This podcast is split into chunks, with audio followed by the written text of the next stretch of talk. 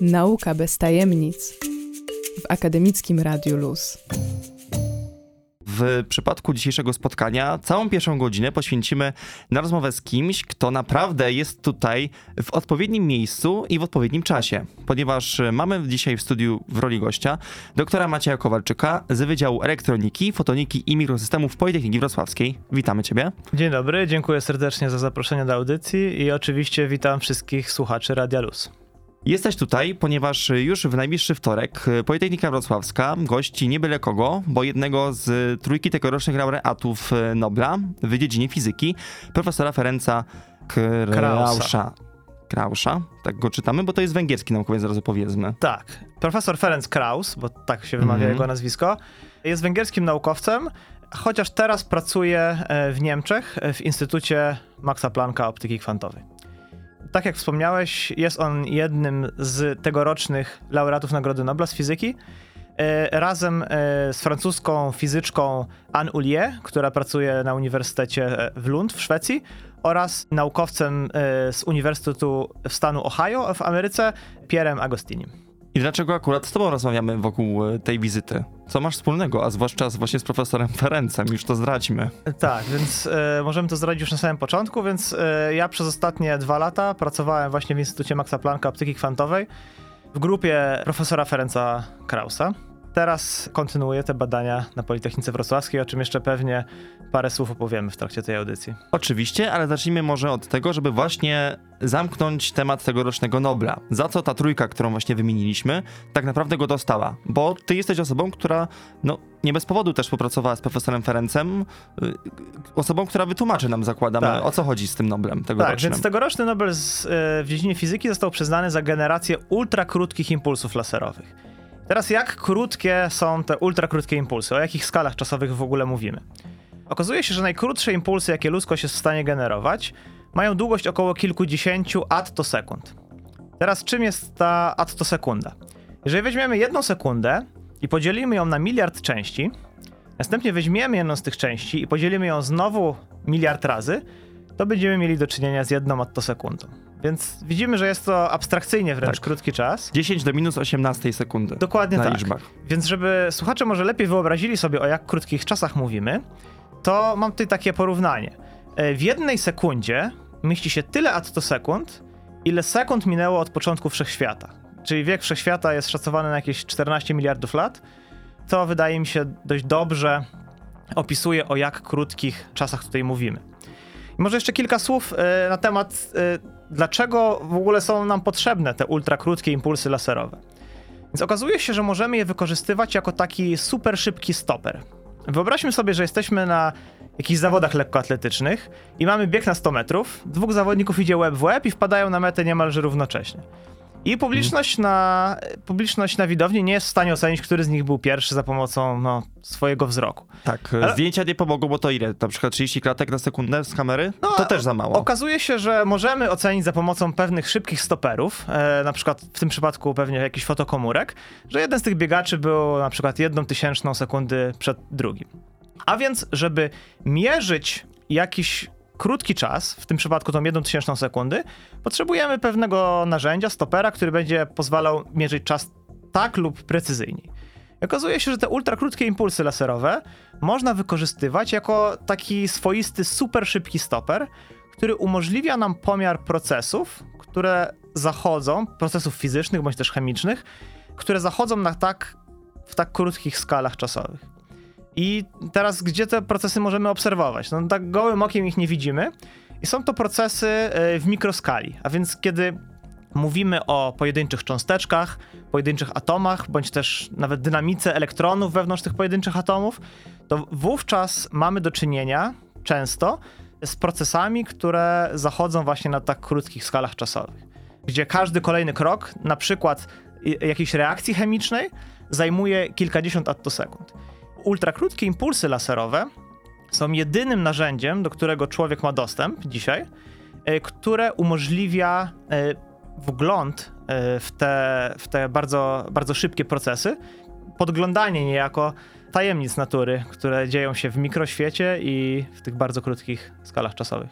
I podsumowując to pierwsze wejście o tym Noblu, Gdzie to możemy zastosować? Będziemy, nie wiem, mieć doskonalsze maszyny, będziemy leczyć nowotwory. Co będziemy robić dzięki takim e, krótkim impulsom? Tak, więc e, można tu powiedzieć o dwóch zastosowaniach. O jedny, e, jedno jest w dziedzinie medycyny i o tym powiemy Hmm. jeszcze w dalszej części audycji, ponieważ e, takie badania będziemy też prowadzić na Politechnice Wrocławskiej. Ja może tutaj w kilku słowach tylko o drugim zastosowaniu.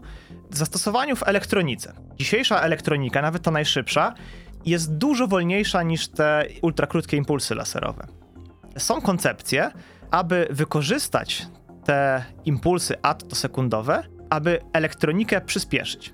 Okazuje się, że, że, że możemy za pomocą e, tych impulsów w bardzo krótkim czasie włączać i wyłączać prąd w półprzewodnikach na, w takiej właśnie skali czasowej attosekundowej, co w przyszłości może doprowadzić do, do projektowania elektroniki nowej generacji, w której prądy właśnie sterowane są nie za pomocą napięć, ale za pomocą światła i dzięki temu przyspieszyć ją nawet e, kilkadziesiąt tysięcy razy. Więc to jest jedno, jedno z takich zastosowań. Natomiast drugie zastosowanie, nad którym pracuje grupa e, profesora Krausa, dotyczy zastosowań e, w medycynie. I tutaj chcemy wykorzystywać ultrakrótkie impulsy laserowe, aby badać ludzką krew pod kątem diagnostyki chorób nowotworowych. Tak jest, to moja zapowiedź nie była przypadkowa, oczywiście, że nie. Więcej o tym, jak e, twoja historia właśnie związana z, ze współpracą z profesorem Krausem i ogólnie twoją karierę na Politechnice się potoczyła, o tym więcej za chwilę na Synapsach. Z nami, bez zmian, dr Maciej Kowalczyk, Politechnika Wrocławska. Przechodzimy do wyjaśnienia mm, twojej kariery, mm, myślę, że takie słowo jak najbardziej tutaj pasuje, która kręci się właśnie w tym nanoświecie. Także Macieju, jak to się u ciebie zaczęło i skąd ciebie tak naprawdę mamy na Politechnice? Tak, więc ja nie jestem rodowitym wrocławianinem. E, pochodzę z Mazowsza i studiowałem na Uniwersytecie Warszawskim na Wydziale Fizyki. W, trakcie, w trakcie tych studiów wybrałem się też na, e, na stypendium Erasmus do Monachium, co łączy się niejako z, e, z moim wyborem stażu podoktorskiego. A po studiach magisterskich rozpocząłem doktorat na ówczesnym Wydziale Elektroniki, czyli W4, e, w grupie e, elektroniki laserowej i światłowodowej. To jest grupa, którą prowadzi obecnie profesor Politechniki Jarosław Sotor, a została założona przez, e, przez profesora Krzysztofa Abramskiego, który cały czas jest, jest aktywnym członkiem naszej, naszej grupy. W trakcie doktoratu zajmowałem się rozwijaniem także laserów, laserów generujących ultrakrótkie impulsy, ale może nie aż tak krótkie jak e, te, za które została przyznana tegoroczna Nagroda Nobla. To są impulsy o czasie trwania około kilkudziesięciu femtosekund, czyli mniej więcej tysiąc razy dłuższe. Po ukończeniu pracy doktorskiej, no, kariera naukowa często wygląda tak, że bardzo, bardzo dobre jest wyjechanie gdzieś do jakiegoś innego miejsca, do innej grupy badawczej, z wielu względów, żeby przede wszystkim zobaczyć e, jakieś inne środowisko naukowe, nauczyć się e, jakiejś nowej dziedziny. I moim celem było z jednej strony wykorzystanie tego, czego się nauczyłem w trakcie doktoratu, a więc mojej wiedzy dotyczącej laserów e, ultraszybkich i chciałem zastosować ją do jakiegoś praktycznego i ważnego celu. Więc grupę profesora Ferenca Krausa w Instytucie Maxa Plancka Optyki Kwantowej, to jest w Garching pod Monachium w Bawarii, znałem bardzo dobrze, ponieważ jest to jedna z, najlepszych grup na całym świecie w dziedzinie fizyki laserowej. Monachium znałem bardzo dobrze, e, ponieważ, tak jak wspominałem, byłem tam na Erasmusie e, kilka lat wcześniej. I e, zobaczyłem, że poszukują w tym instytucie ludzi do projektu, który zakłada wykorzystanie laserów generujących ultrakrótkie impulsy w badaniach medycznych, o których już wspominałem. No więc wszystko, wszystko się e, ułożyło dobrze, wszystkie aspekty. Wysłałem swoje zgłoszenie, zostałem zaproszony na rozmowę.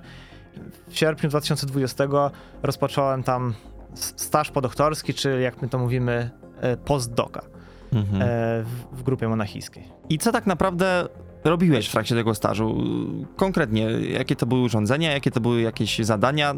Tak, więc, więc może najpierw w skrócie, tak jak już wspominałem, są to lasery ultra szybkie, wykorzystywane do celów medycznych. Więc może zacznę od tego, jakie to były lasery. Więc y, my zajmowaliśmy się rozwijaniem laserów, które pracują w zakresie spektralnym średniej podczerwieni. I teraz co to znaczy?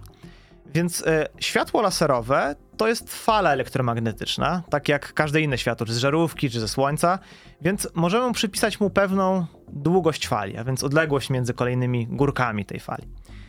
I ludzkie oko, jak popatrzymy na tęczę, to kolory, które widzimy, są od niebieskiego na dole tęczy do czerwonego na górze tęczy i to są długości fal od około 400 nanometrów do 700 nanometrów. Więc te lasery, którymi my się zajmowaliśmy, to one emitują promieniowanie w zakresie średniej podczerwieni i to jest długość fali około 10 tysięcy nanometrów. Gdyby nasze oko było czułe na te długości fali, to byśmy to widzieli gdzieś daleko, daleko nad tą tęczą, nad czerwonym. Ale tak nie jest, więc promieniowanie naszych laserów jest niewidoczne dla ludzkiego oka. Okazuje się jednak, że jest ono w pewien specyficzny sposób widoczne dla różnego rodzaju cząsteczek. I w jaki sposób ono jest widoczne? W ten sposób, że różnego rodzaju cząsteczki są w stanie zaabsorbować, czyli pochłonąć takie promieniowanie elektromagnetyczne. I eksperymenty, nad którymi pracowaliśmy, e, polegały na tym, że za pomocą tych e, wiązki z lasera, e, który generuje ultrakrótkie impulsy, oświetlaliśmy tą wiązką próbkę ludzkiej krwi i cząsteczki w tej próbce pochłaniały część promieniowania naszego lasera. Dzięki temu wzbudzane są pewne wibracje i rotacje tych cząsteczek. Na bazie tych rotacji i wibracji cząsteczki emitują bardzo specyficzne dla siebie pole elektromagnetyczne i my jesteśmy w stanie, również za pomocą tych ultrakrótkich impulsów, rejestrować to pole elektryczne. I okazuje się, że to pole elektryczne ono jest unikalne dla danego zbioru cząsteczek, więc e, koncept tego eksperymentu w grupie profesora Krausa jest taki, żeby mierzyć te sygnały molekularne i na ich podstawie interpretować, czy dana osoba jest chora, jest zdrowa, czy też nawet może teraz jest zdrowa, ale istnieje wysokie ryzyko zachorowania na na przykład na nowotwór w przyszłości. Mhm. Więc tak w dużym skrócie tego dotyczył y, mój, y, mój staż, przy czym ja skupiałem się przede wszystkim na na tej części laserowej. To, to też może jest ciekawe, e, że w grupie profesora Krausa znajdują się osoby o bardzo różnych, o bardzo różnych e, kompetencjach. Fizycy laserowi, biolodzy, którzy mówią nam, jakie mają być nasze lasery, następnie specjaliści od analizy danych sztucznej inteligencji, którzy zajmują się interpretacją tych sygnałów molekularnych, a nawet pielęgniarki, ponieważ próbki krwi do naszych badań pobierane są w kilkunastu centrach krwiodawstwa. Więc również takie osoby są zaangażowane w tym, w tym zespole. Kończąc tę część rozmowy, przyszło mi na myśl pytanie, które mm, spowoduje, że zabrzmi jak rasowy dziennikarz. Jakim człowiekiem jest profesor Kraus? Tak, więc e, na pewno jest to bardzo inspirująca postać. To jest człowiek, który jest całkowicie oddany nauce e, i całkowicie nią pochłonięty, mogę powiedzieć. Jako, e, jako przykład mogę powiedzieć taką anegdotkę, po, która wyda jakby wydarzyła się po Nagrodzie Nobla. Więc e, w Instytucie Maxa Plancka e, są cotygodniowe seminaria. Ja już e, no teraz jestem na, we Wrocławiu, ale cały czas uczestniczę w tych seminariach online. I jedno z tych seminariów było dzień po ogłoszeniu Nagrody Nobla. E, I ja się niestety spóźniłem troszeczkę na to seminarium i widziałem na ekranie cały czas tylko prelegenta. I byłem przekonany, że szefa nie ma, e, no bo wczoraj dostał Nagrodę Nobla, więc na pewno udziela jakiejś konferencji i tak dalej. I bardzo byłem zaskoczony, kiedy seminarium się zakończyło i pierwszą osobą, która zadawa, zadawała pytania, był oczywiście profesor Kraus, nie? Więc widzimy tutaj, że jest człowiek, który jest naprawdę, kocha to, co robi i, i robi to praktycznie cały czas. No wiesz, tutaj mówiąc o sobie, to ja myślę podobnie ciepło także i o twojej tutaj jak najbardziej sytuacji i twoim e, naukowym dorobku. I więcej o tym, co właśnie z tego stażu ty i nie tylko ty wniesiecie na uczelnię, powiemy więcej za chwilę na Snapsach, dalej z doktorem Maciejem Kowalczykiem. Rozmowa z niebyle kim, bo z doktorem Maciejem Kowalczykiem to, co tobie się udało na stażu podoktorskim e, osiągnąć, przeniesiemy. Co to się zadzieje właśnie ciekawego też w kontekście wtorku najbliższego? Po okresie około dwóch lat, który spędziłem właśnie w Garching pod Monachium, w grupie profesora Ferenca Krausa, postanowiłem wrócić e, do Polski i to mogę powiedzieć jest, było możliwe między innymi dzięki e, finansowaniu z Narodowej Agencji Wymiany Akademickiej, czyli polskiej NAWY, która w ramach programu Polskie Powroty umożliwiła mi właśnie powrót do Polski i prowadzenie, i prowadzenie badań na Politechnice Wrocławskiej. Czego dotyczą te badania? Więc te badania są e, bezpośrednim przedłużeniem tego, czym zajmowałem się w Monachium, czyli e, rozwijaniem laserów, e, które emitują w zakresie średniej podczerwieni i generują ultrakrótkie impulsy. Jakie są pokrótce cele naszych badań? Zajmujemy się, tak jak już wspomniałem, tymi laserami i chcemy, skupiamy się na ich trzech parametrach. Przede wszystkim interesu, interesuje nas ten zakres e, średniej podczerwieni i okazuje się, że to jest bardzo skomplikowane zadanie, żeby uzyskać promieniowanie laserowe i krótkie impulsy w tym zakresie spektralnym. Nie chcę tutaj wchodzić w szczegóły, ale jest to, e, jest to jeden z głównych, e, z głównych obszarów naszych badań. Drugi punkt to ultrakrótkie impulsy, o których już wspominałem. Tutaj również oczywiście skupiamy się na tym, by były one jak najkrótsze. Chociaż e, mogę tutaj dać taką krótką uwagę, nie są, to, nie są to tak krótkie impulsy jak te, za które została przyznana Nagroda Nobla, więc nie, jest to, nie są to czasy attosekundowe, a jest to związane przede wszystkim z tym, właśnie z, to, z, z, tym, z tą długością fali promieniowania, ponieważ impulsy attosekundowe emitowane są w paśmie ultrafioletu, więc fala jest znacznie krótsza i jesteśmy w stanie uzyskać pojedynczą oscylację pola elektromagnetycznego, co będzie najkrótszym możliwym impulsem, w czasie kilkudziesięciu attosekund. Dla zakresu średniej podczerwieni fala jest długa, więc to oznacza, że najkrótszy możliwy impuls składający się z takiej pojedynczej oscylacji pola yy, będzie miał kilkanaście femtosekund, czyli jest jakiś tysiąc razy dłuższy. Więc to jest nasz drugi cel, a trzecim celem jest stabilizacja laserów. Chcemy, aby nasz laser emitował impulsy, żeby od, odległość w czasie między tymi impulsami zawsze była bardzo identyczna i nie, zmienia, nie fluktuowała w czasie i żeby na przykład moc naszego lasera była zawsze idealnie tak sam, taka sama. I dlaczego to jest ważne? Prowadzimy badania cały czas we współpracy e, z profesorem Krausem i te, i te lasery, które, będzie, które rozwijamy na Politechnice Wrocławskiej, będą wykorzystywane właśnie w tych badaniach medycznych. Więc ja wspominałem o tych sygnałach, które molekuły próbki krwi wysyłają i te sygnały są bardzo, bardzo słabiutkie. Więc teraz możemy sobie wyobrazić, że jeżeli nasz laser by nie był stabilny, fluktuowałby, to, to te sygnały moglibyśmy je przegapić. Byśmy ich nie, nie wyłuskali w ogóle z szumu tego naszego, tego naszego lasera.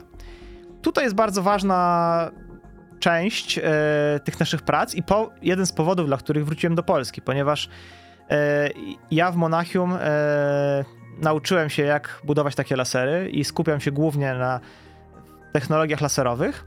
Natomiast w naszej grupie, grupie elektroniki laserowej i światłowodowej, mamy zespół, który składa się z osób rozwijających też tą część elektroniczną, która jest podstawą wszelakiej stabilizacji laserów.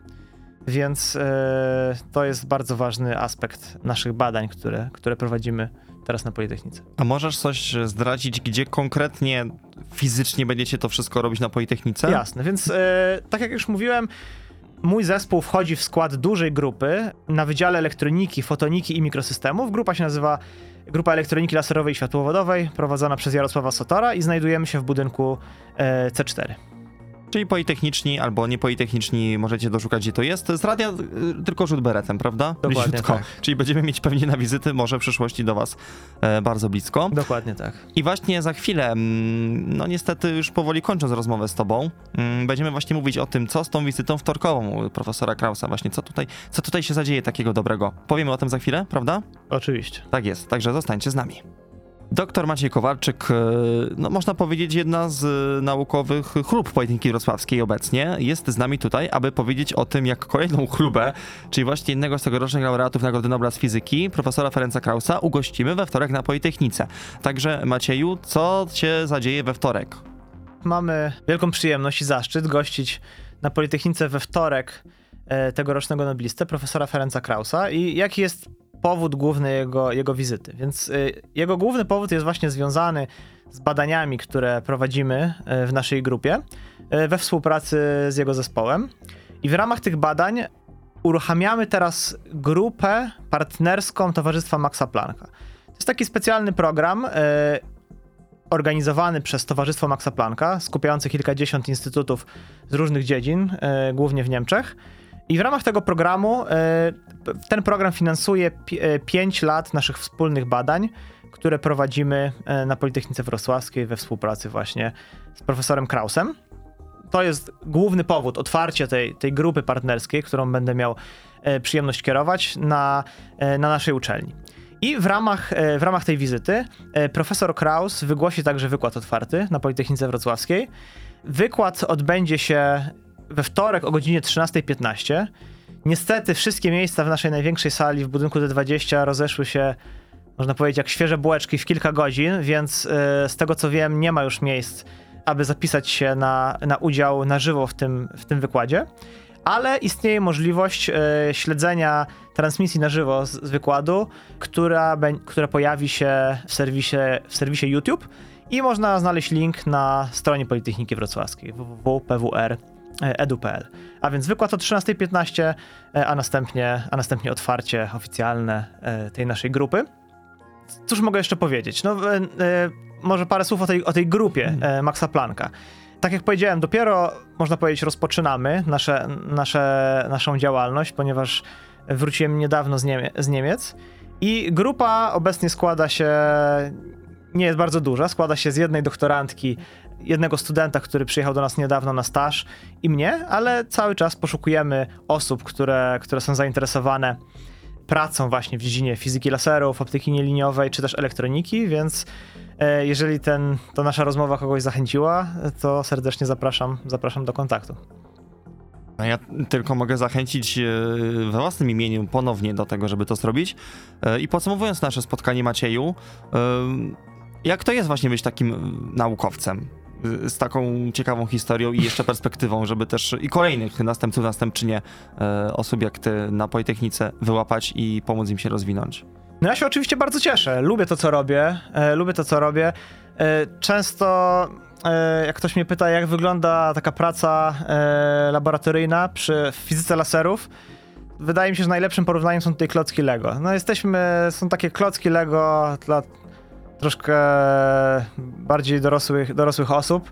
Z tą różnicą, że nie mamy niestety instrukcji obsługi, jak z tych klocków optycznych złożyć nasze układy laserowe ale frajda jest bardzo podobna jak, jak, jak, jak przy budowaniu konstrukcji z Lego, kiedy mieliśmy kilka lat, więc bardzo, bardzo się cieszę, że obrałem taką, a nie inną drogę i też zachęcam innych młodych studentów do, do zainteresowania się działem fizyki laserów. Tak, i też ogólnie, czy studiujemy na właśnie twoim Wydziale Elektroniki, Fotoniki i Mikrosystemów, czy na innym, żeby się po prostu angażować w aktywności studenckie, koła naukowe i tak dalej, bo każdy, każda znajdziemy coś dla siebie, prawda? Oczywiście, oczywiście. My też w naszej grupie mamy nie tylko osoby z naszego wydziału, ale zaangażowane są także osoby z Wydziału Podstawowych Problemów Techniki, czy z Wydziału Chemicznego, więc... Yy tematyka jest tak dość interdyscyplinarna i mamy członków zespołu z naprawdę różnych dziedzin. No i oczywiście w imieniu całego radia i całej redakcji Popularnej Naukowej życzymy Tobie i całemu zespołowi, e, też przekazujemy nawet już teraz profesorowi e, życzenia powodzenia, pozdrowienia i cokolwiek innego możemy teraz fajnego dodać. Przekażę. E, oczywiście. No we wtorek jeszcze tam jest taka część, taka powiedzmy trochę medialna spotkań, to też tam, też tam się pewnie pokręcę, mi się wydaje, więc liczę na to, że Zapraszam. we wtorek również e, i ja tam się na pewno zjawię, co najmniej ja e, z ramienia luzu. A z nami był e, w tak ciekawym miejscu i czasie, czyli w naszym studiu, przed wizytą tegorocznego noblisty z fizyki profesora Ferenca Krausa, dr Maciej Kowalczyk, Wydział Elektroniki, Fotoniki i Mikrosystemów Politechniki Wrocławskiej. Dzięki za wizytę. Z pewnością jestem zdecydowanie zachwycony twoją dzisiejszą rozmową e, ze mną i oby to nie była ostatnia e, w naszym studiu, prawda? Dziękuję serdecznie i pozdrawiam wszystkich słuchaczy Radia Luz. Pobudzamy wasze synapsy na 91 i 6 FM.